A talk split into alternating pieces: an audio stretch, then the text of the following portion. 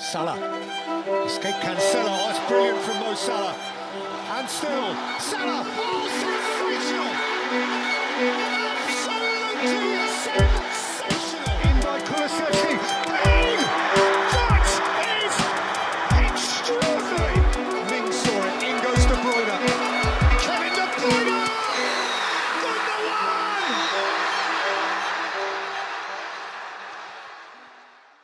Hej allesammans och välkomna tillbaka till FBL ikväll. Det ni hörde i början av vårt avsnitt var vårt nya intro som vi eh, får tacka Viktor Berglind för. Eh, otroligt eh, bra att vi har fått någon form av intro som eh, introducerar avsnitten och eh, ja, det är, idag så är det måndag och eh, hur är läget? Gustav, det är en ny vecka.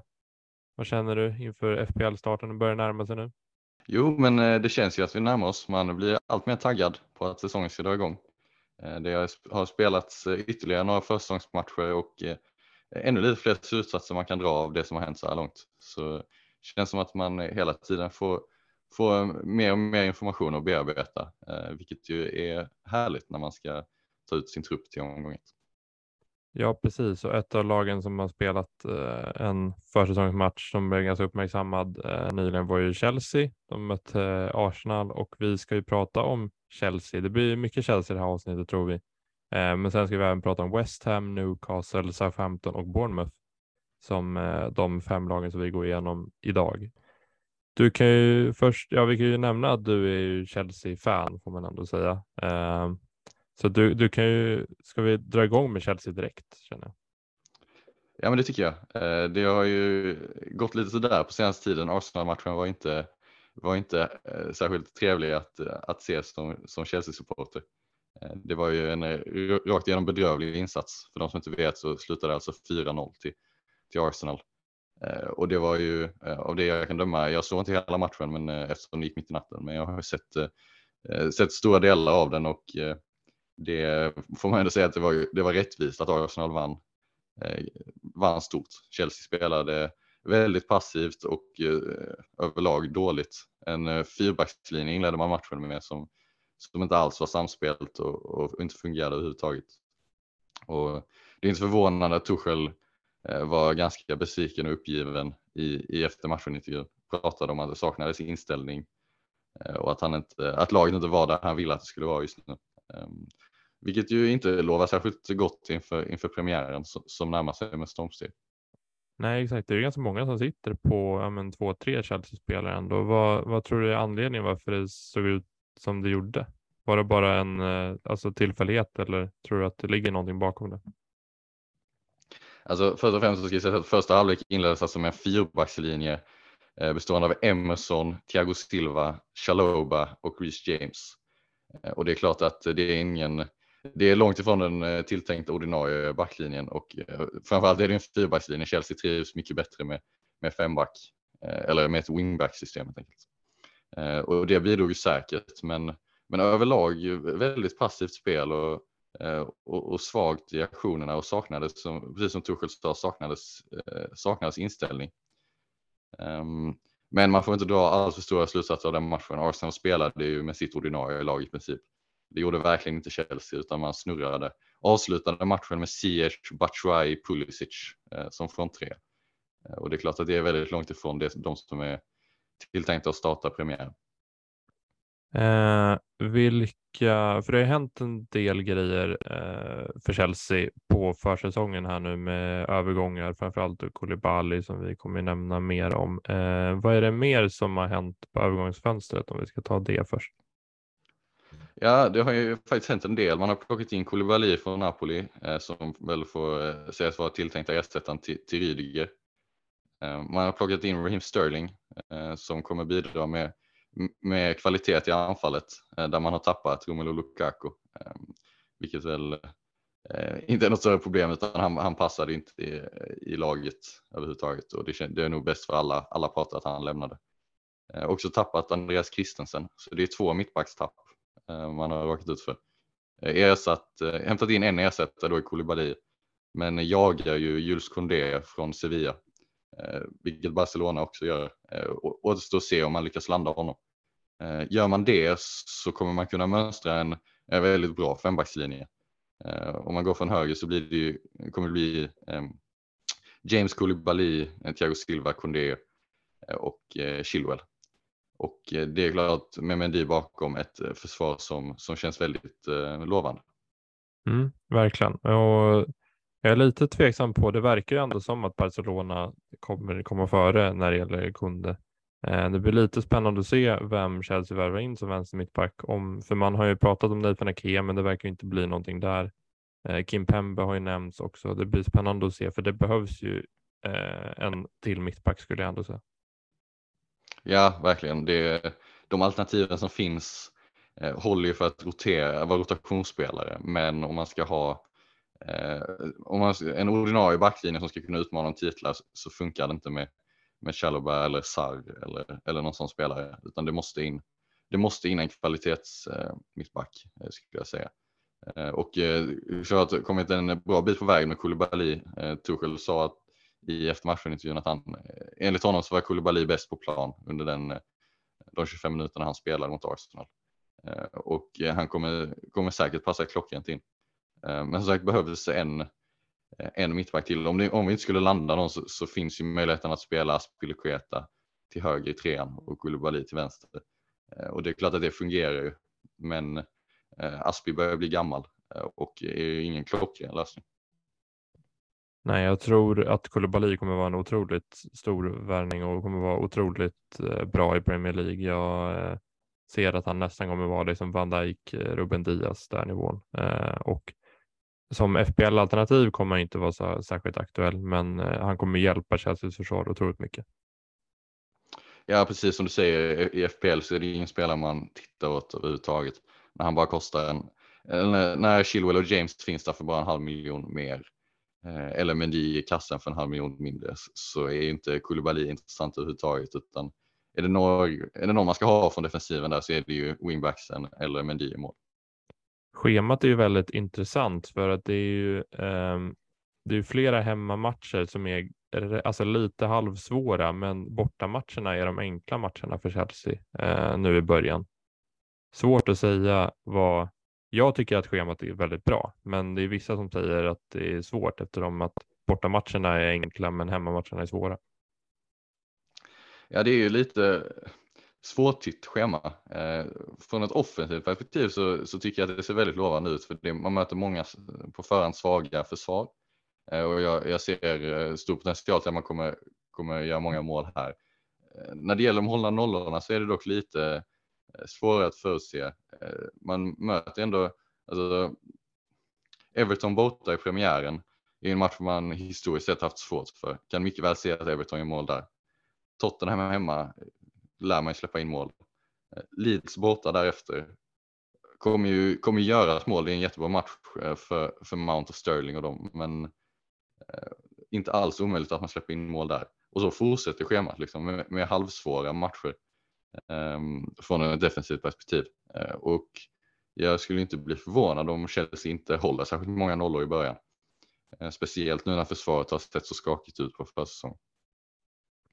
Nej, det är ändå många som sitter med dubbla Chelsea-försvarare med Mendy och Chilwell och Reece James och allt möjligt. Jag har sett vissa med trippel till och med och eh, där inledande matcherna har jag lite svårt för när det gäller det defensiva perspektivet. Eh, svårt att se jättemånga nollor tyvärr.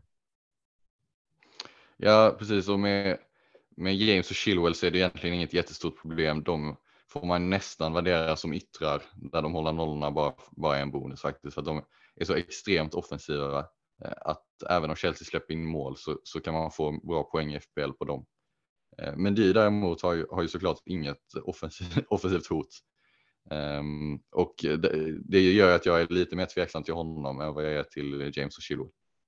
Ja, exakt. Ska vi gå igenom de mer offensiva eh, FBL-spelarna. För Raheem Ster både Raheem Sterling och Mason Mount är de två som jag i alla fall eh, ser mest emot när det gäller Chelseas offensiv. Jag tycker det ska bli väldigt intressant med Sterling. Han fick ju inte alltid spela i City och jag tror att när han blir main man över Chelsea så kan han eh, få en riktig utveckling och bli kanske så bra som han var i EM ungefär. Ja, han eh, kommer ju såklart vara given ifrån trean. Eh, Kom in som bäst betald i klubben i princip och, och kommer spela med Mount och Havertz i den förmodade från eh, och är väldigt intressant spelare. Han är, håller ju hög nivå. Han har snitt, de fem senaste säsongerna har han snittat 16 ligamål för Manchester City. Och detta utan att vara helt ordinarie då. Framförallt de senaste åren har han inte eh, knappt fått spela, starta en majoritet av matcherna. Eh, och nu kommer han till Chelsea som, som förvisso skapar färre chanser, men han kommer ju få mycket mer speltid än vad han fick i City de senaste åren. Och Sterling är ju en intressant spelare. Han har den här förmågan att, att liksom nosa upp målchanserna och vara på rätt ställe i boxen. Eh, och eh, jag skulle förvänta mig att han kommer kombinera, eh, funkar bra i kombinationsspelet med Mount och Havertz och, och att han kommer sättas i ganska många lägen. Um, och kommer, eh, kommer förhoppningsvis leverera. Uh, problemet är att han kostar 10 miljoner FPL och det är en lite svår, en lite svår prislapp för det finns inte så jättemånga andra alternativ i den, Eh, i den kategorin och det, det lockar ju att gå ner till en 8 miljoners mittfältare eh, som till exempel Mason Mount och spara in de 2 miljonerna som, som ändå gör ganska stor skillnad. Ja, alltså jag känner att när man väljer ut sina spelare som man känner att de här måste jag ha i mitt lag så är det väldigt svårt att ha 10 miljoner över som du kan spendera på en spelare som Sterling. Eh, däremot så kan jag ju se framför mig, eh, men till exempel Reece James komma på högerkanten och spela in de här bollarna på bortre där Raheem Sterling ofta brukar dyka upp och slå in dem eh, i öppet mål. Så jag tror att han kommer få en hel del målchanser i Chelsea. Um, det som har diskuterats lite på försäsongen är ju om Chelsea saknar någon form av eh, kreativ spelare på inom ytter. Alltså Mason Mount är ju väldigt kreativ, men han får bära väldigt stor börda när det gäller kreativiteten i Chelseas anfall. Werner, eller säga, Werner, Havertz, Sterling är ju inte jättekreativa spelare på så sätt. De är mer riktade direkt mot mål. Hur ser du på det när det gäller Chelsea? Nej, det är svårt med det systemet man spelar så, så finns det ju en, ett begränsat antal platser för, för offensiva spelare. Eh, Mount är ju såklart en enorm nyckel i anfallsspelet och det är väldigt mycket som kommer gå genom honom. Eh, han kommer ju vara den, den största kreativa faktorn för Chelsea när det gäller att skapa målchanser. Men annars så har vi sett eh, försäsongen när, eh, när både James och Chilwell var tillgängliga samtidigt, vilket inte var jättemånga matcher, men det var ändå en del. Då fick vi se hur vilket vapen ytterbackarna är när både James och Chilwell pumpar fram på varsin kant. Så kommer de också vara, efter Mount skulle jag säga att de kommer vara de som skapar flest chanser i Chelsea. Eh, för det är så systemet ser ut och eh, det främjar verkligen wingbacksen eh, som är extremt offensiva. Både målfarliga och, och att skapa chanser för andra. Och det är ju såklart helt perfekt för oss som spelar FPL. Eftersom de även får poäng för fyra poäng per hålla nolla. Så jag skulle ju säga att både James och Chilwell är de jag rankar högst i laget från ett FPL-perspektiv. Eh, just eftersom de är så, så viktiga i offensiven eh, men också är en del av ett eh, förmodligen ganska stabilt försvar även om det inte har sett ut så på försäsongen. Hur ser du på Mount som FPL-perspektiv? För att, det är ju ändå en spelare som imponerade förra säsongen och förbättrades mycket med sin poängskörd. Hur ser du på han i år? Han gjorde ju 11 mål, 11 assist förra säsongen, landade 170 poäng i FPL och det är ju, är väldigt bra siffror får man nog säga. Um, ska ju, ska ju sägas att han gjorde en väldigt stor del av sina poäng i få matcher mot de allra sämsta lagen. Ehm, bland annat eh, så gjorde han väl tre mål och en assist i matchen mot Norwich när halva Twitter satt med binden på Kai Havertz. Ehm, så var det Mount som tog 24 poäng där istället. Och han hade ju några sådana matcher, kanske inte med 24 poäng men med tvåsiffrigt i alla fall.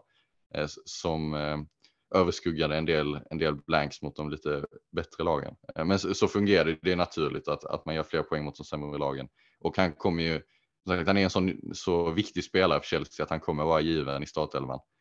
Ehm, och om man kollar på de underliggande siffrorna så så har han en expected goal involvement per 90 minuter på 0,6. Vilket ju är bättre än om man jämför med spelare som kostar lika mycket så är det bättre än Saka, det är bättre än Diaz, bättre än Kulusevski, Madison och Bowen. Eh, och det är ju någonstans i den här kategorin han hamnar eh, och om man jämför med de spelarna så, så håller jag nog kanske ehm, bakom Diaz eftersom Chelsea trots att det inte kommer skapa lika mycket som, som Liverpool. Eh, men därefter så är han nästan den, den 8 miljoners mittfältaren som lockar mest för mig.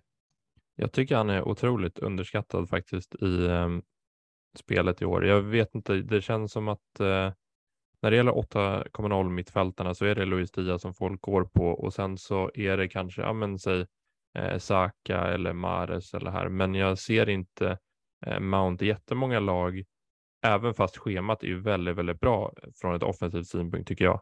Eh, jag ser han inte i supermånga lag, men han har bäst, ja, men som du pratade där, bäst underliggande statistik och kommer spela i princip varje match. Ja, han eh, är verkligen, det är svårt att, att få in honom i laget för att har man Diaz så har man Diaz och Salah på mittfältet så, så kan det vara svårt att ha råd med en till 8 miljoners mittfältare eh, om man samtidigt vill investera i sin backlinje. Men för de som går på eh, Robertson istället för Diaz så öppnas det ju förmodligen upp, eh, upp en 8 miljoners plats på mittfältet och där tycker jag att, att Mount definitivt utmanar om att eh, ta den platsen och eh, kanske till och med är favorit. Ehm, för, för som sagt, han är given bra siffror eh, och är verkligen en nyckelspelare för Chelsea. Ehm, som ju, och schemat är verkligen, alltså, även fast det har sett dåligt ut för, på försäsongen så, så är schemat så pass bra att man kan förvänta sig att, att det kommer smälla offensivt för Chelsea. Jag vill prata till sist, vi har pratat lite om Chilwell, för Chilwell är ju en intressant spelare. Han är ju inte lika populär som Reece James i spelet och det kan jag förstå varför. Reece James eh, har ju spelat mer på försäsongen och jag tycker att han har eh, gjort mer när han har spelat eh, i Premier League, i alla fall underliggande siffror mässigt. Eh, men Chilwell är ju en intressant spelare för han har inte spelat jättemycket nu på försäsongen. Han eh, kommer tillbaka lite sent från skada. Han hoppade in eh, i sista matchen förra säsongen vad jag kommer ihåg och har fortfarande eh, Ja, han, han har ju fortfarande inte återhämtat sig eh, riktigt verkar det som från den här skadan. Eh, det, jag tycker det är svårt att, att välja honom just nu i alla fall. Eh, även fast de, när han kommer spela så kommer han ju vara otroligt offensiv och bidra med väldigt mycket. Men Just nu har jag lite svårt att välja honom för att det ändå finns Marcos Alonso och Emerson där bakom. Rotationen är ju lite läskig. Det är ju ingen tvekan överhuvudtaget om att Chilwell är första valet och han är så extremt mycket bättre än både Alonso och Emerson så att eh, det går inte att betona nog utan det är verkligen flera nivåer skillnad där. Eh, och Tuchel föredrar såklart Chilwell. Problemet är ju att han åkte på en, en väldigt allvarlig skada förra hösten som höll honom borta hela säsongen egentligen och sånt tar ju tid att, att återhämta sig från och att komma tillbaka i matchform. Eh, och när det ändå finns Alonso och Emerson där som, även fast de absolut inte håller Chilwells nivå så är, är de godkända Premier League-spelare. Eh, och då är det klart att det är rimligt av Tuchel att, att ta det lite försiktigt med Chilwell kanske. Eh, att matcha in honom sakta men säkert och ge Alonso de minuterna eh, som Chilwell kanske inte klarar av riktigt i början. Det finns ju, det absolut sista man vill är ju att stressa tillbaka Chilwell och sen åker han på ett bakslag i skadan eh, och så blir, man, blir han borta några månader igen. För att så, så viktigt är han. Eh, så viktigt är det för Chelsea att kunna ha två ytterbackar som, eh, som har det här offensiva hotet. Alonso är ju inte alls lika bra där längre eh, som han var för, för fem år sedan. Nej, exakt och det är därför jag är lite tveksam på att inleda säsongen med två Chelsea-försvarare. Delvis eh, det och även schemat då, som vi har pratat om som inte är superbra från ett defensivt perspektiv. Eh, jag, jag tycker i alla fall att Reece James räcker för mig just nu. Ja, Reece James tycker jag verkligen man ska ha. Han har inte, han har överlägd 40 procent ungefär och, och, det förstår jag verkligen. Han har inte, han har inte lämnat en enda draft som jag har gjort sedan spelet släpptes, utan eh, han, han är lika given, nästan lika given som Trent är för mig. Han eh, är en sån fantastiskt offensiv eh, och spelar i ett bra försvar, kostar bara 6 miljoner. Jag hade, jag hade varit beredd att betala en miljon mer för honom nästan. Eh, så, så han är helt given. Chilwell lite mer tveksam. Vi får se vad Tuchel säger nu innan säsongen drar igång. Om han inte säger något stil med att Chilwell är 100% redo så lutar jag väl kanske mer åt åt en Ruben Diaz från Manchester City för, för samma pris. Ja, exakt. Um, ska vi gå vidare till West Ham då? Om vi inte har något mer att tillägga om Chelsea, eller vad säger du? Eh, jag ska bara tillägga först med Mendy eh, mm. att han, när, man, när, när, spelet släpptes så var det många som reagerade extremt förvånat över att han bara kostade 5 miljoner och att, och att Mendy kan man inte gå utan. Liksom. Men jag vill ändå poängtera hur, hur viktigt det är för när vi pratar Chelsea-defensiven i form av James och Chilwell så är de ju bra val först och främst nästan för deras offensiva förmåga. Eh, att de är, de är i princip eh, ytteranfallare eh, när vi spelar offensivt. Ehm, och det gör ju de, förhöjer dem verkligen och blir, gör dem till mycket bättre val än, och, än om de hade varit mittbackar eller så vidare. Och, och Mendy har ju såklart inget av det här utan där får man bara, han har inte räddnings, kommer inte göra särskilt många räddningar heller utan då förlitar man sig verkligen bara på de hållna nollorna. Eh, och om man ska titta upp till när man förväntar sig att man ska dra sitt första wildcard eh, mellan omgång 6 och 9 någonstans där. Eh, så så jag är inte alls säker på att Chelsea kommer hålla så många nollor att det, att det är värt den extra halvmiljonen som man får betala för Mendy istället för, istället för en Raya eller Sanchez eller annan 4,5 miljons målvakt. Nej, jag kan inte annat än att hålla med. Det, jag känner att det finns bättre alternativ än Mendy nu i början, även fast han är väldigt vald av många.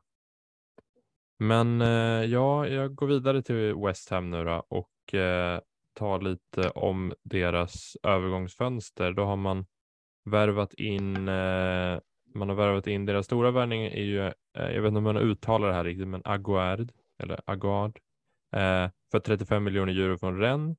Jag vet inte jättemycket om honom, mer än att han är mittback som är väldigt bra eh, med bollen och bra på fast, fasta situationer.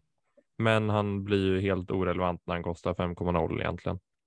Eh, man har även värvat in Flynn Downs från Swansea som eh, backup mittfältare och gjort eh, Areolas lån permanent då.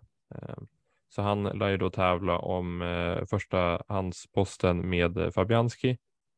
Och, men det ryktas ju framför allt att de ska göra några stora värvningar här i West Ham. Eh, det var ju Brocha förut som ryktades, men nu verkar det eh, runnit ut i sanden och Skamacka från Sassuolo och Kostic från Frankfurt är de två spelarna som verkligen ryktas eh, mycket. Jag har inte sett jättemycket av dem. Har du sett någonting om de spelarna? Nej, det kan jag inte påstå mer, mer än lite höjdpunkter, men eh, det känns ju som väldigt rimliga värvningar för West Ham. De siktar ju på att gå långt, först och främst kvala in till Conference League och sen ta den turneringen på allvar. Eh, och gör man det så betyder det att, att det kommer att vara ett väldigt tätt spelschema eh, och de har inte truppbredden just nu för att slåss på två fronter och göra det bra. Eh, utan där måste in lite nyförvärv. Just nu är väl Michael Antonio den enda anfallaren de, de har i truppen. Och det vet vi alla med hans skadehistorik att han kommer inte kunna spela två matcher i veckan Eh, hela säsongen. Utan där måste, ju, måste in en till anfallare för att kunna avlasta. Eh, och då känns ju Skamacka som ett, som ett bra val. Mm, exakt. Eh, och man har då tappat Jarmolenko till Alain och så Ryan Fredericks till Bournemouth och Mark Noble har slutat. Eh, det är de som har lämnat då, klubben. Eh, så vi går in på schemat lite. Jag alltså det ser väldigt grönt ut på eh, hemsidan, men jag tycker inte att det är särskilt lätt överhuvudtaget. Man inleder med Manchester City och så har man Nottingham Forest, Brighton, Villa, Spurs, Chelsea och Newcastle första sju jag tycker inte det är några jättebra matcher, men sen så har man fyra riktigt bra matcher efter det med Everton, Wolves, Fulham, Southampton. Eh, men det gör ju att man inte kommer kolla på SM-spelare, tycker jag i alla fall, i början här nu inför omgång ett, men att man kanske kommer kolla på dem i omgång sju, åtta där om man wildcarder. De blir väldigt intressanta när det är dags för, för wildcardet, men till omgång ett så är schemat så pass svårt att, att det känns, eh, känns inte som de är särskilt intressanta. Um, det är Nottingham Forest i omgång två som är, som är en fin match. Eh, Brighton och Aston Villa i omgång tre och fyra är ju verkligen inte lätta matcher men, men ändå jämfört med resten av, av de matcherna, City, Spurs och Chelsea, ändå relativt överkomliga. Eh, men det är klart ett väldigt eh, ett tufft spelschema eh, och gör ju tyvärr att de flesta West Ham-spelare blir ganska ointressanta för omgången. Ja, exakt. Och just nu alltså utan värvningarna av Skamacka och Kostic så tror jag inte vi kommer ha jättemånga FBL-alternativ från West Ham i år tyvärr. Jag tror det kan bli lite av förra årets Leicester ungefär när man ska spela i Europa och just nu har man ju ganska tunn trupp, måste man erkänna, som du sa tidigare. Och jag vet inte om det här kommer gå runt för West Ham. Jag vet att många West Ham-fans är lite oroliga för att man har så pass tunn trupp när man ska satsa i Europa. Den eh, mest intressanta får väl ändå sägas vara Jared Bowen som ju levererade 200 poäng förra säsongen i FPL. Eh, fick verkligen sitt stora genombrott Eh, och har ju fått en rejäl prisökning i år upp på 8,5. Och eh, en sak som jag gillar med honom den här säsongen är ju att eh, förvisso har West Ham ett, kommer ha ett tajt spelschema, men han är ju van vid det. Han spelade i Hull i Championship innan han gick till West Ham och där är det ju i princip två matcher i veckan hela säsongen. Eh, det spelas ju upp mot 50, eller spelas 46 omgångar där och ett extremt eh, tätt spelschema med kupper och allt. Och han är van vid detta och så viktig som han är för West Ham så, så kommer han ju inte roteras eh, egentligen alls av, av Moise utan han kommer få köra på så länge han är, så länge han är frisk. En annan grej som man kan argumentera för Bowen är ju att han verkligen kommer vilja eh, ta del, vara en del av den här VM-truppen som England eh, kommer eh, behöva ta ut och Jared Bowen känns som en spelare som just nu är ganska säker, men man vet inte. Han känns ändå som en av de här spelarna som kan droppa ur om man har en väldigt dålig säsong nu. Han är ju inte, liksom, det är inte en garanterad spelare i truppen. Nej, han är ju, han är ju verkligen garanterad och gör han en svag höst så har ju England så extremt många alternativ eh, att välja på den positionen. Eh, att, de absolut, att Southgate eh, absolut hade kunnat peta honom. Så det är som du säger, han kommer ju såklart vara jättemotiverad att göra en stark höst här och verkligen visa att han eh, inte bara ska vara med i truppen utan kanske till och med utmana om en, om en startplats i VM. Men det känns ändå som att 8,0 mittfältarna just nu i alla fall är mer attraktiva än Bowen med det här schemat. Jag har inte sett Bowen i jättemånga lag och jag förstår ändå varför man inte lika säker på att han kommer återupprepa det han gjorde förra säsongen med sina 200 poäng, även fast det var en otrolig säsong han gjorde. Nej, och det är just det att han kostar 8,5. Det är ju lite större, halv miljon extra där. Eh, för när man, när man bygger sitt lag så är det ju eh, det, det, är ju lite tajt om pengar alltid för att du ser vad du kan få med den här extra halvmiljonen så är det ju ett, det är ett enkelt sätt att, att få fram lite extra pengar att, att eh, nedgradera Bowen till en 8 miljoners mittfältare. Eh, och den halvmiljonen ger, ger ändå en del. Plus att jag skulle vilja säga att de alternativen som finns för 8 miljoner är bättre än Bowen att, att börja med oavsett pris, även om de hade kostat lika mycket. Mason Mount som vi pratade om innan Eh, ser jag som ett eh, bättre alternativ än, än Bowen. Eh, inte bara för att han är billigare utan även, även dels hur han är som spelare men också framför allt spelschemat. Det, är sån, det finns många lag med väldigt bra spelschema och där det finns bra FPL-alternativ. Och då är det, känns det orimligt att lägga så mycket pengar som det ändå är på en Jared Bowen med tufft spelschema. Ja, förra säsongen var ju Antonio otroligt bra i första delen. Det gick inte att gå utan honom, men eh, han eh, stannade ju verkligen av andra delen av säsongen och just nu känns det inte han som något FPL-alternativ överhuvudtaget. Förut var det ju verkligen så att han gjorde mål så fort han var frisk, men han kunde inte hålla sig frisk, så det var därför vi inte gick på honom så ofta. Men förra säsongen spelade han ju nästan hela säsongen, men Eh, han slutade helt enkelt göra mål, vilket är lite tråkigt. För jag gillade han verkligen som FPL-alternativ förut. Ja, han var ju fantastisk i början av försäsongen. Eh, men eh, fick mycket speltid och känslan blev, känslan blev att han såg lite tung ut, lite sliten ut eh, av den här speltiden. Han kan, kroppen kanske inte riktigt pallade att, att leverera så ofta som han tvingades spela. Och får de nu in Skamackan till det här året så blir det väl eh, en mer rimlig speltid för Antonio eh, för vad hans kropp håller. Ehm, men gör ju tyvärr också att eh, han blir förmodligen ett sämre spelval eftersom speltiden kommer minska och rotationen öka. Ehm, men kan man träffa rätt på Antonio när han väl startar i en match mot Fulham hemma och sånt, så kommer det absolut finnas potential där. Ja, och försvarsmässigt är jag inte jätteintresserad i alla fall när det gäller West Ham. Alltså Cresswell till 5,0 är helt okej, okay, men Bowen har ju tagit över mer och mer hans fasta situationer så det är svårt att argumentera för honom. Den jag skulle vara mest sugen på är nog Zuma till 4,5. Det var inte jättelänge sedan han var i Chelsea och gjorde mål i varje match som när han stångade in varje hörna i princip. Och det är en av de farligaste spelarna på fasta situationer i ligan och för 4,5 han var ju fem och en halv förra säsongen och då var han ju helt, det gick inte att gå nära honom i West Ham när han kostade fem och en halv, men till fyra och en halv. Jag tycker det är helt okej okay som val ändå. Ja, och, och eh, ska ju säga att Kofall också finns till fyra och en halv eh, som ju kommer att vara första val på högerbacken och ändå är relativt offensiv. Eh, så, så, det är klart att vid någon tidpunkt den här säsongen när schemat ser bra ut för West Ham eh, så kan jag absolut se att man sitter där med en, med en back för att de, de är ändå generellt ganska stabila i försvaret. Eh, och, men som sagt, det är ingen man överväger överhuvudtaget till omgång ett. Schemat är för dåligt och det finns, finns andra alternativ som är så pass mycket bättre att, att man kollar inte på, på West Ham backar till omgång ett. Nej, då har vi sammanfattat West Ham. Ska vi gå vidare till Newcastle då? Yes, och där har det ju hänt eh, mer än vad det har gjort hos West Ham. Man har ju, eh, Eh, de nya ägarna har ju börjat investera, har inte eh, kommit någon sån här jätte, jättevärvning än, men man har eh, signat en del vettigt i försvaret. Man har värvat in Nick Pope i mål.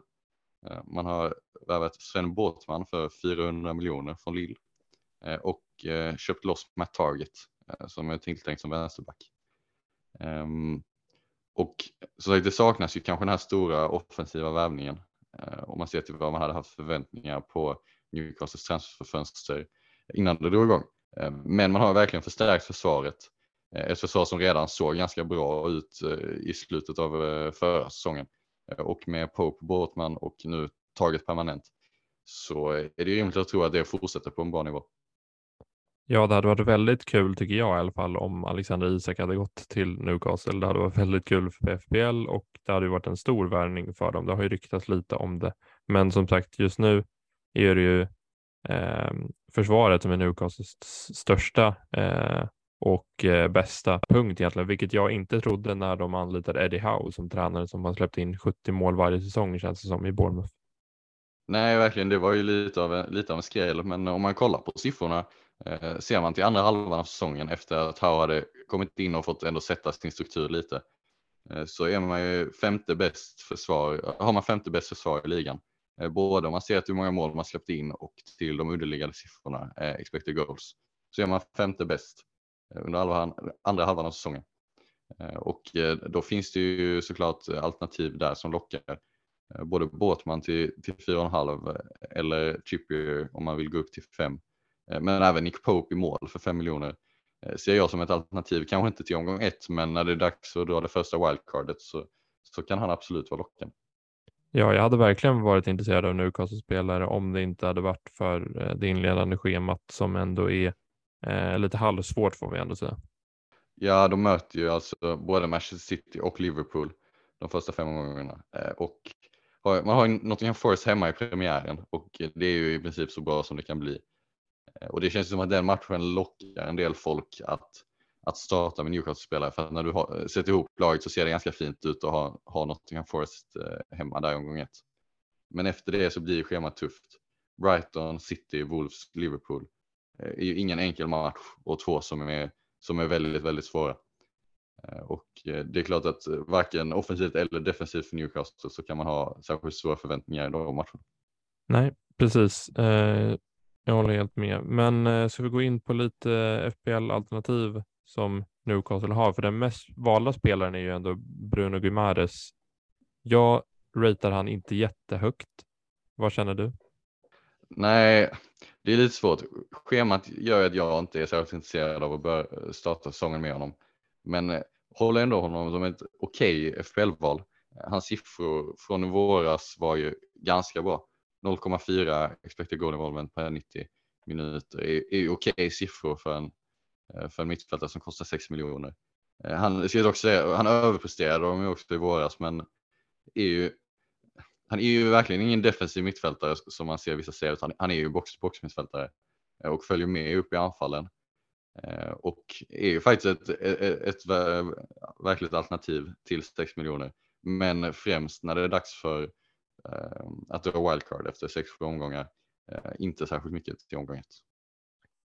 Ja, det enda jag är lite orolig över är att han, eh, han värvades ju ändå in som en defensiv mittfältare från Leon. Han var ju inte särskilt offensiv alls där.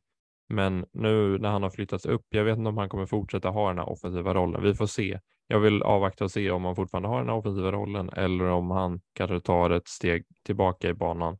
För det känns som att de kan flytta in en, eh, säg, eh, Joe Linton eller Joe Willock som kommer vara mer offensiv än eh, vad han kommer vara eh, och att man då flyttar ner honom i banan. Det känns inte som att det är så svårt steg för Newcastles tränare att göra och bara flytta ner honom och då är han ju inte ett alternativ till 6,0 så vi får se. Nej, som sittande mittfältare är jag inte alls aktuell. Men det är också bra att vi får de här första fem omgångarna att se, se hur Howe kommer använda honom. Eh, om han eh, skulle flyttas ner som defensiv mittfältare kommer vi märka det och då är det enkelt att bara undvika honom när det är, det är dags att dra wildcard. Eh, eller så fortsätter han spela som box-box mittfältare och, och följer med upp i anfallen och då vet vi det. Så det, det är på så sätt skönt tycker jag att, att schemat är så tufft som det är. För det gör att vi istället kan använda de här första fem gångerna till att scouta Newcastle och se hur, se hur han ser ut, se hur laget ser ut innan vi sen tar beslut eh, lite senare i höst. Hur ser du på Callum Wilson? För att han känns som att han gör mål varje match han spelar egentligen, men han är otroligt skadebenägen och eh, hans underliggande siffror är inte superbra, men han på något sätt eh, lyckades han ju göra mål även under Steve Bruce, men också under Eddie Howe. Han är ju lite lik eh, så som Michael Antonio höll på för ett par säsonger sedan. Eh, väldigt skadebenägen, men levererar alltid när han är skadefri. Och han är ju eh, ett, ett bra val. Han, vi vet att han kommer, de underliggande siffrorna är okej. Okay. De, är, de är godkända men inte jättebra. Eh, han, men vi vet ju att han kommer, han kommer hitta de här målchanserna, ta straffar och är ju ett, eh, prö, prövad i ligan. Man vet att han, han håller en bra Premier League-nivå. Problemet är ju som sagt skad, skadorna framför allt. Det är svårt att se att han ska hålla sig skadefri på lång sikt. Och sen så finns, när det finns spelare som Gabriel Jesus för bara en halv miljon mer, eh, eller om man flyttar pengarna till mittfältet och går, ser till de åtta miljoner mittfältarna som finns där, eh, så känns inte Wilson särskilt aktuell för mig eh, till omgång ett. Men hade de haft ett bättre spelschema så hade han absolut varit en spelare som man hade övervägt. Ja, jag håller med. Det känns som att några blir liksom lurade av att det står NFO Home på, på, liksom på startsidan när man eh, Eh, väljer sitt FBL-lag. Det känns som att många går på den matchen och sen ser man inte vad de har för schema efteråt. För jag känner ju flera som egentligen bara kollar på en match och inte kollar på eh, schemat utöver det sen när man väljer spelare.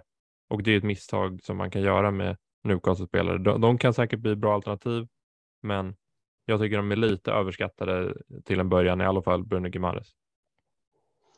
Ja, så är det ju med första omgången att det, det, det lockar. Man ser den här fina matchen och så här, det är mycket möjligt att Callum Wilson gör, gör två mål i premiären. Eh, Bruno gör 1 plus 1 och sånt så eh, Newcastle vinner med 3-0. Det kan absolut hända. Men eh, oavsett så ska man inte sen stressa för att få in Newcastle-spelarna efter det. Jag tycker inte att man ska börja med Newcastle-spelare heller, utan man får tänka, man måste tänka mer långsiktigt än till en, till en omgång bara eh, och, och se på hur spelschemat blir därefter. Eh, och då är det för tufft för att motivera att ha Newcastle-spelare egentligen. Ja, vi har gått in lite på försvaret och så här. Har du något mer att tillägga där? Eh, Kieran Trippier är en spelare som jag ser i en hel del lag. Jag tycker, ja, men som sagt, med lite som med Newcastle generellt, att han är lite överskattad. Jag tycker inte att han håller, han är inte samma offensiva, eh, ska man säga, offensiva hot som eh, Reece James eller Cancelo eller någon av de här eh, andra offensiva ytterbackarna. Det, jag tycker mycket, eh, mycket av hans eh, framgång förra året var ju för att han satte två frisparksmål under den här korta tiden som han spelade. Men jag vet inte om jag tycker att han är jättebra alternativ. 5,0 är ändå en helt okej prislapp ändå. Jo, eh, han 5,0 är en okej prislapp, men sagt, det, de här två frisparksmålen han gjorde i våras överskuggar ju hans generella insatser skulle jag säga. Han, han är ju inte så offensiv som man kan tro i det här Newcastle utan han, han har vi sett på försäsongen håller tillbaka lite. Det är ofta han stannar vid mittlinjen istället för att följa med upp, följa med upp i alla anfall. Eh, och ska man då betala 5 miljoner för honom med tanke på de alternativen som finns eh, till den prislappen? Nej, det, det tycker jag inte. Eh, ska man ha 5 miljoners försvarare så, så står Matti Cash eller, eller Luka Dean eller en sån spelare. Om man, om man bortser från de mittbackar i topplagen så, så Ska man ha en ytterback för 5 miljoner så hade jag snarare tittat åt Aston Villa för deras ytterbackar eh, som faktiskt fyller på i offensiven. på ett sätt som, som Trippier inte gör. Den enda spelaren som jag tycker är lite underskattad som inte ser så många lag är ändå Nick Pope för att Nick Pope, man vet ju hans höjd i FPL är ju bland det värsta man har varit med om. Han är ju otrolig. Han var ju otroligt bra i Burnley där några säsonger när han hade ett ganska bra försvar framför sig. Nu har han ett ganska bra försvar framför sig i Newcastle som förhoppningsvis kommer släppa till lite chanser men inte eh, tillräckligt stora chanser som gör att han släpper in mål men att han släpper till eh, en del skott utifrån. Jag tycker att 5,0 är en helt okej prislapp. Vad känner du? Ja, exakt att det är ju man förväntar sig att Newcastle kommer släppa till en del chanser i form av skott utifrån. Skott med låg XG som man kan förvänta sig att Pope plockar. Eh, så pass bra målvakt är han ändå, det har han ju visat eh, de senaste åren i Burnley. Eh, och han kommer göra många räddningar, nu har han dessutom bättre försvar framför sig. Och kommer absolut, om Newcastle skulle hålla nollan i någon av de här inledande matcherna mot Brighton, Wolves, City, Liverpool eller någon sån match så kan man ju räkna med att Pope kommer stå på 10 poäng i den matchen kanske. Han är, gör mycket räddningar, är därmed extremt bra på bonus och kommer ju har verkligen den här höjden i sig som inte alla målvakter har. Eh, men schemat gör, återigen schemat som gör att man, man, man tittar åt andra alternativ främst. Men när det, återigen, när det är dags för wildcard och schemat blir bättre eh, så blir jag, skulle jag inte alls bli förvånad om, om jag har Pope i mitt lag då. Eh, för jag gillar verkligen honom som ett alternativ. Jag håller honom, jag håller honom högre än Mendy till samma prislapp.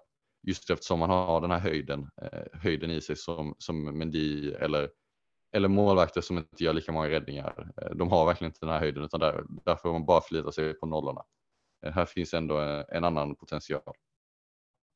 Ja, jag instämmer helt. Eh, jag får ändå säga att jag gillar Pope som alternativ, även fast jag inte ser han i jättemånga lag. Har vi något mer att säga om Newcastle eller ska vi gå vidare till Southampton? Ja, men jag tycker vi går vidare. Vi har väl pratat om det mesta relevanta för Newcastle. Mm. Eh, Southampton är ju kanske inte det roligaste laget att prata om, men det ska göras ändå. Eh, I övergångsfönstret har man verkligen valt att satsa ungt. Det är alla deras fyra dyraste övergångar är spelare som är 20 år eller yngre. Eh, största värvningen är den irländska målvakten Gavin Basunu från, eh, för 14 miljoner euro från Manchester City. Och det är en otroligt spännande målvakt tycker jag. Eh, som har jättestor potential. Han är extremt atletisk och gjorde en tv-räddning här i försäsongen mot Leipzig som var bland det svettigaste jag har sett i alla fall. Eh, otrolig eh, potential har han. Eh, man har även värvat in någon eh, fransk forward som heter Sekomara, eh, en defensiv mittfältare från Manchester City född 2004 eh, som heter Romeo Lavia och en tysk mittback som heter Bella Kutschap. Alla då väldigt unga. Eh, en spelare som kanske kan bli något när det gäller FPL är Joe Aribo från Rangers. Han gjorde mål i senaste Europa League-finalen, om eh, folk såg den, och spelade lite anfallare för Glasgow Rangers i slutet eh, av säsongen. Men han står som mittfältare i FPL och eh, gjorde åtta mål och fem ass i skotska ligan. Det är lite svårt att veta de här Southampton-värvningarna hur det kommer gå. De satsar ju otroligt ungt. Det känns som att det är lite form av eh, rebuild som pågår i Southampton just nu. Ja, det är ju långsiktig satsning, väldigt tydligt att det är det de, det de har gjort. Och det är väl inte, inte alls för bra om man ser till den här säsongen eh, och inte, speciellt inte ur ett FPL-perspektiv. Jag ser inte, jag ser att det kan roteras en del på de här spelarna, de kommer inte vara helt givna. Eh, och generellt så är det ett lag som inte har sådär jättemycket, jättemånga kvalitetsspelare. Utan det känns, känns ganska osäkert vad man kan förvänta sig av Southampton i år. Eh, de har ju en en höjd i sig. Eh, de har ju Ward Prowse på mittfältet som bidrar enormt. Men eh, samtidigt så känns det som att övergångsfönstret imponerar inte kortsiktigt för den här säsongen. Eh, jag är inte helt övertygad av de värvningarna. Men såklart på lång sikt jättebra. Men om man ser till den här säsongen och kanske framför allt då till omgång ett så är jag ganska tveksam. Ja, exakt. Och ut så är det egentligen två spelare som är värda att nämna och det är Fraser Forster som har gått till Tottenham och så är det legendaren Shane Long som har lämnat till eh, Reading som eh, kommer ändå ha ett Premier League-rekord som är svårt att slå i snabbaste målet i Premier Leagues historia. Um, ja, ska vi gå vidare till schemat så är det uh, väldigt svårt till en början med Tottenham, Leeds, Leicester, Manchester United och Chelsea under första fem omgångarna. Det blir ju bättre efter det, men eh, om man ser på att Southampton inte har så många FPL-alternativ till att börja med och ser schemat dessutom väldigt, väldigt svårt så kommer man ju inte röra. Nej, eh, Southampton-spelare har jag inte haft en enda i, i mitt lag eh, så här långt och jag kommer ju, skulle bli väldigt, väldigt förvånad om det är någon som, som är nära mitt lag till omgång ett. Eh, de har egentligen bara en intressant spelare skulle jag säga FPL-mässigt och det är ju James Ward-Prowse för 16,5 miljoner som har ju levererat mellan 150 och 160 poäng eh, de två senaste säsongerna och, och man vet ju verkligen vad man får där. Problemet är att eftersom en så stor procent av hans eh, returns kommer via fasta situationer så blir det ganska oförutsägbart när de här kommer komma i vilka matcher. Eh, och så här, hade man tagit ut ett lag eh, där du inte får göra några byten på 38 omgångar utan du måste ha ditt lag hela säsongen. Då hade Ward Prowse varit ett jättebra alternativ för han är, du vet vad du får av honom och du kommer få 150 poäng ungefär.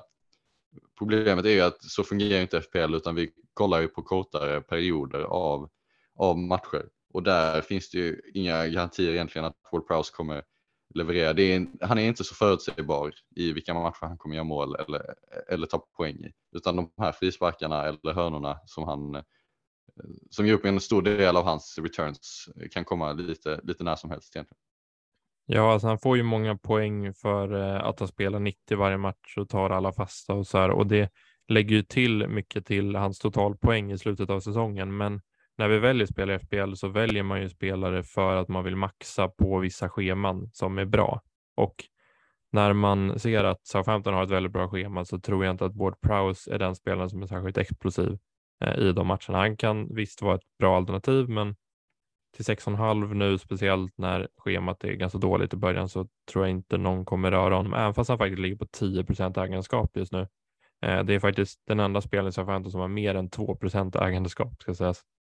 Eh, så det, det, det, är inte så många som rör sig av 15 och det förstår man. Nej, verkligen. Att, att, det är inga, att bara en spelare över 2% säger väldigt mycket om dels vad det är för typ av lag och, och dels hur tufft deras spelschema är. Och det är helt rätt, jag tycker att Word Prowse 10% är lite för högt nästan. Och det, utan för mig finns det ingen anledning att gå på 15 spelare till omgång 1. Eh, Word Prowse kanske man kanske kommer hitta in i laget någon gång under den här säsongen. Men återigen inte särskilt förutsägbar när han kommer ta poäng. Och när du har spelare som Marcus Rashford för, för samma prislapp eller Martinelli för en halv miljon mindre eh, så är det svårt att motivera Ward Prowse eh, FBL-mässigt. Ja, exakt. Jag hade faktiskt exakt samma alternativ då med Martinelli och Rashford som spelare som man kan välja istället då som är betydligt mer explosiv och eh, de är betydligt mer involverade i offensiven från öppet spel, vilket är väldigt viktigt när vi ändå spelar FPL. Sen så och är det väl... spelar betydligt bättre lag ska sägas. Det, ska, det gör de också. Mycket fler chanser. Verkligen. Sen är det väl ingen mer egentligen man vill prata om. Det är typ Shay Adams till 6,5 som kanske kan ha en bra säsong. Alltså en spelare som jag tycker man kan ha litet öga på ändå Adam Armstrong. Om han får eh, kontinuerligt starta i det här laget. Han kostar 5,5. Han kom tvåa i skytteligan i Championship bakom Ivan Tony. Eh, han var ju en väldigt eh, eftertraktad värvning eh, som eh, en del eh, gick på förra året när han började där. Sen kom ju Brocha in och fick spela mycket och så här. Men om Adam Armstrong får fortsätta spela kontinuerligt så är 5,5 en helt okej prislapp ändå. Ja, det får man ju säga ändå. Eh, men samtidigt så finns det ju andra alternativ i den prisklassen. Främst i form av Mitrovic som då kostar en miljon mer, men Mitrovic och även Solanki som vi kommer att prata om strax eh, från nykomlingarna som för liknande prislappar som, som jag eh, enligt mig lockar mer. Hela Southampton är ju ett stort frågetecken för mig den här säsongen. Jag är väldigt tveksam till hur de kommer klara av det här. Eh, och de ska nog vara, ska, ska vara väldigt nöjda om de inte blir inblandade i nedflyttningstid. Ja, jag håller med. Det, det, det, ser tufft ut för dem om de inte värvar in någon eh, spelare här eh, framöver. Men eh, ska vi gå vidare till några, ett lag som jag i alla fall är ganska säker på kommer vara med inblandad i en bottenstrid i eh, Bournemouth. Yes, där är ju precis som du säger förväntningarna. Om de lyckas hålla sig kvar i Premier League så gör de en eh, väldigt bra säsong eh, och eh, kommer ju garanterat vara, ligga i botten hela året och, och handla om att kriga till sig poängen. Vi pratade om Fulham i förra avsnittet som ett lag med offensiva färdigheter och ett, en spelidé som är, är mer progressiv. Där är Bournemouth inte överhuvudtaget utan här är det även i Championship var det, var det ganska mycket fokus på att stå lågt och inte släppa till några kontringschanser, framförallt minimera risk eh, och vara effektiv i anfallet. Ehm, och eh, om de, om de spelade på det sättet i Championship när de ändå hade en av de bättre spelartrupperna eh, så kan vi ju misstänka att de kommer att spela ännu mer, ännu mer så nu när de har kommit upp i Premier League. Ja, vi kommer ihåg Scott Parker i Fulham när han spelade sin 4-4-2 fotboll. Då hade ju Fulham en helt okej defensiv ändå som, som flera ville ta del av eh, när de hade bra schema. Eh, Sen så eh, blev det ju problem i anfallet. Det fanns inte jättemånga anfallare som vi var, eh, gillade där. Eh, men vi vet ju lite vad vi kan förvänta oss från Bournemouth när vi, så, när vi tänker tillbaka på den här Fulham-säsongen. Jag skulle vara eh, förvånad om vi fick se något jättestort eh, förändring från den säsongen. Nej, det kommer ju vara, det kommer vara fokus på defensiven, fokus på att stå lågt, minimera risk och eh, vara vara effektiva när det är dags att kontra. Eh, och på ett sätt så känns det som att när, om vi kollar från ett lite motvänt perspektiv, då när vi har, om vi har spelare från topplagen som möter Bournemouth, hur man ska tolka den, eh, den matchen i spelschemat, eh, så skulle jag nästan säga att jag hellre har spelare som möter Fulham än som möter Bournemouth. Även fast vi kan, eh, jag håller Fulham som ett bättre lag, så kommer de inte ha eh, förmodligen inte ha samma fokus på försvaret utan för Bournemouth kommer det verkligen handla om att kriga till sig alla poäng som, som går att ta eh, och de är ganska solida bakåt och kommer stå lågt och, och, och försvara helhjärtat. Lämna väldigt få ytor.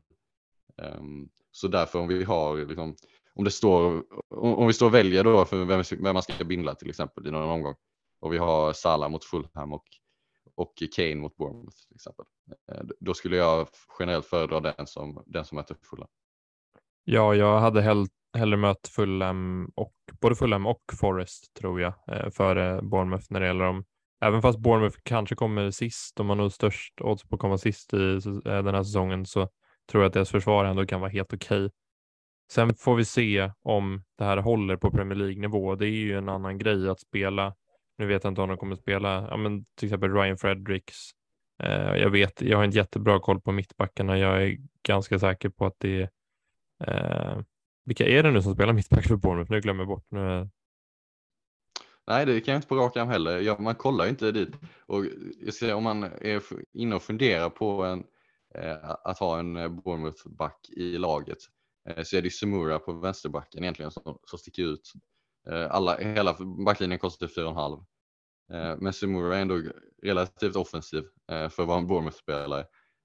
Och inget alternativ i början kanske, men ändå en att, att hålla koll på. För att om det är någon man ska ha, om det visar sig att Bournemouths försvar håller på en Premier League-nivå och man ändå blir sugen på att hoppa på det tåget någon gång under säsongen så tycker jag att det är Sumura som är, är första valet där. Just eftersom att han ändå har, har någon form av offensiv offensivt hot till skillnad från de andra.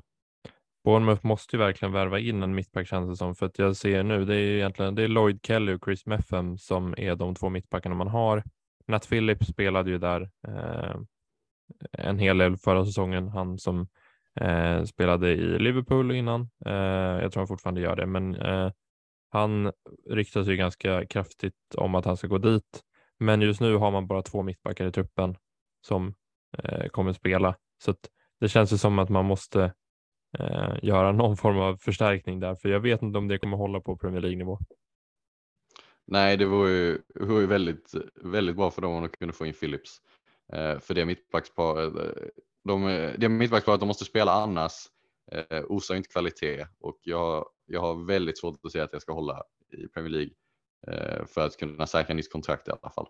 Eh, det är ju då, Alltså stå lågt och försvara är inte jätte, det är inte den svåraste typen av, av, av, spel att behärska och de kommer säkert vara ramstarka även om de inte skulle signa Philips.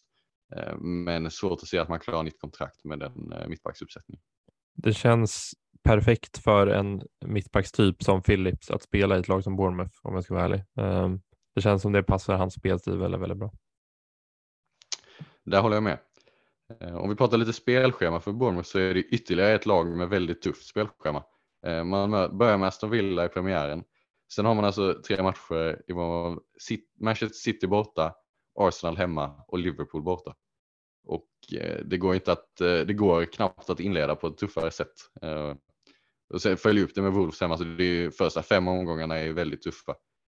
Och gör ju tyvärr att Bournemouth-spelare inte alls känns aktuella. Jag har sagt det många gånger i det här avsnittet nu, men generellt har det varit lag, eh, precis som Southampton, West Ham, Eh, så är det ju liksom schemat som sätter stopp här framför allt. Eh, dock, eh, återigen så kan vi ju använda, det här, eh, använda den här möjligheten till att istället kolla på Bournemouth, hur spelet ut? Vilka spelare är det, är det man vill ha? Hur har de anpassat sig till Premier League? Eh, innan schemat sen, schemat sen vänder i, i omgång fem eller omgång sex där. Och då vänder det ju rejält.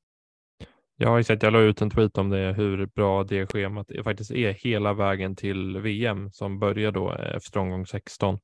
Eh, det är alltså ingen eh, match som är röd, eller vad man säger, på FPLs hemsida. Det är ju en match hemma mot Spurs som är den jobbigaste. Sen så är det ju ingen, inget annat topp 6-lag om jag inte ser fel. Nej, det är inte det.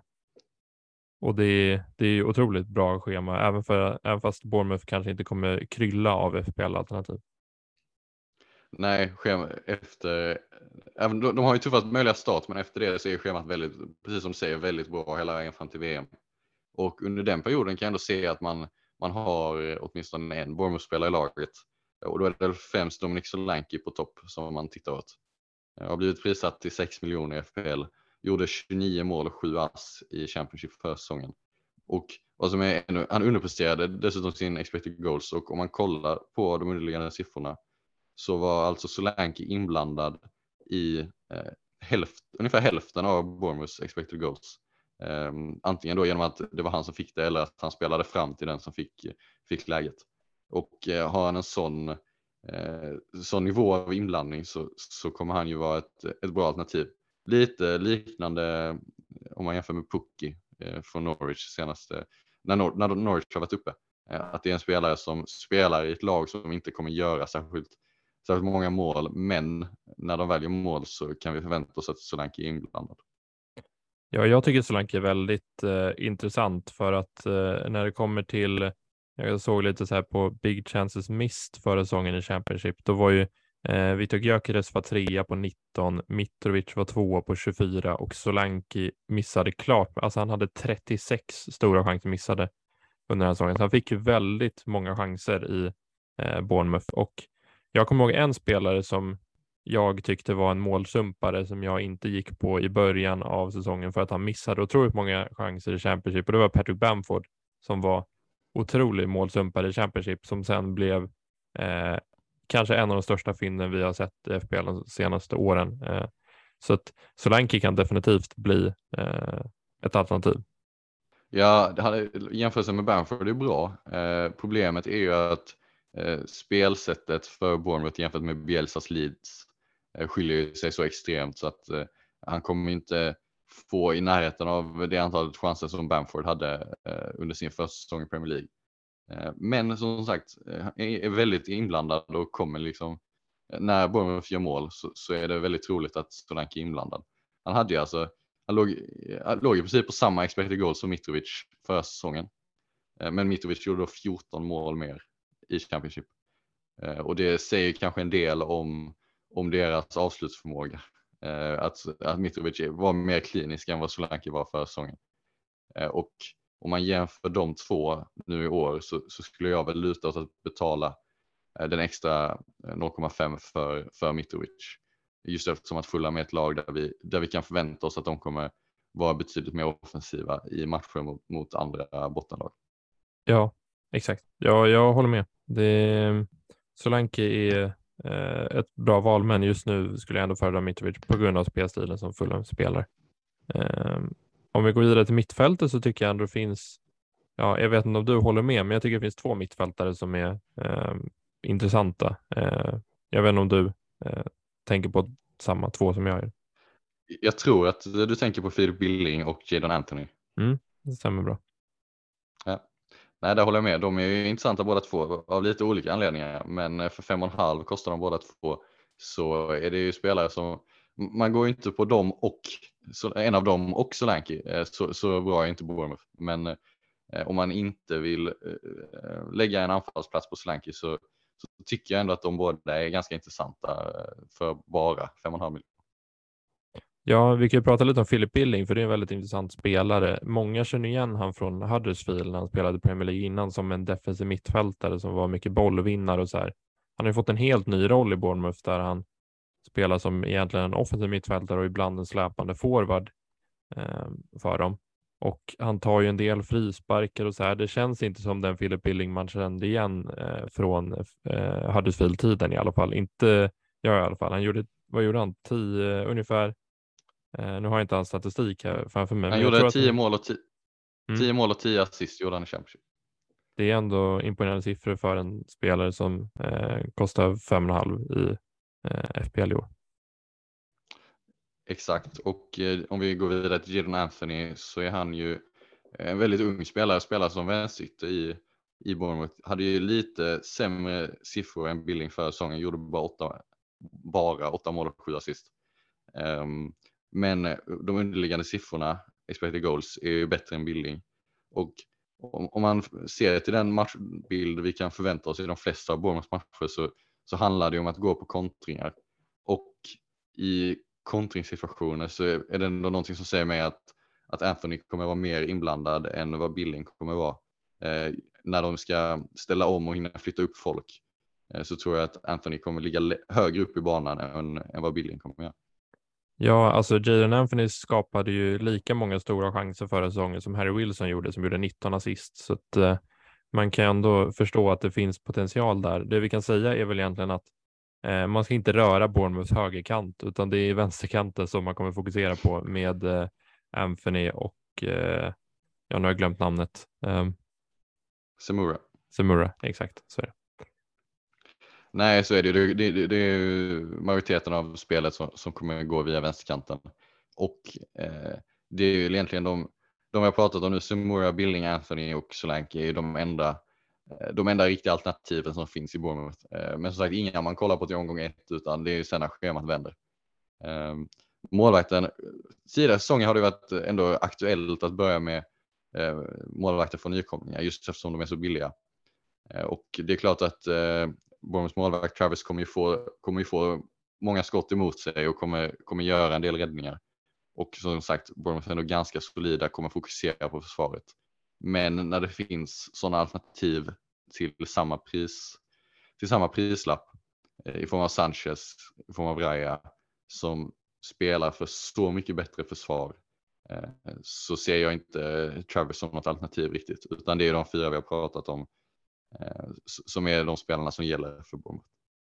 Ja, exakt. Jag håller med. Det är, han är lite oprövad på den här nivån också. Vi vet inte riktigt vad vi ska förvänta oss av Mark Travers, men eh, ja, eh, då tycker jag att vi rundar av eh, kring Bournemouth och det här avsnittet.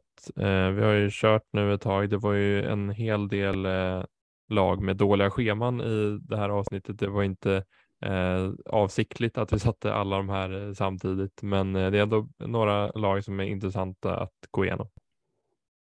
Nej, precis. De är intressanta långsiktigt framför allt. Eh, de är ju till omgång ett inte särskilt många spelare som vi har pratat om idag som man funderar på. Men eh, scoutingjobbet ska ändå göras och det är ju klart en fördel att man har koll på vilka spelare, vilka spelare man ska titta på under de här första omgångarna. Eh, för det är så man får se det istället att, att det tuffa spelschemat får man använda för att scouta de spelarna man kan vara intresserad av senare. Och då gäller det att man är medveten om vilka spelare man, det man ska titta efter. Ja, och ikväll hade vi tänkt även dra igång vår eh, miniliga eh, som vi ska köra. Vi lär ju eh, prata lite om den när själva säsongen går, går igång och vi kommer ju nämna eh, de som går väldigt bra i ligan. Eh, jag tycker i alla fall det är kul att eh, prata om några som gör det bättre än vad vi kommer göra. Ehm, ja, så vi, eh, det kommer bli kul och jag är verkligen eh, förväntansfull inför säsongstarten. Precis, det är ju, man ser verkligen fram emot säsongen. Eh, det ska bli riktigt kul att dra igång. Eh, och som sagt, vi, vi drar igång ligan. Vi ska försöka jobba fram något pris till den eh, så att vinnaren, som vinnaren kan få.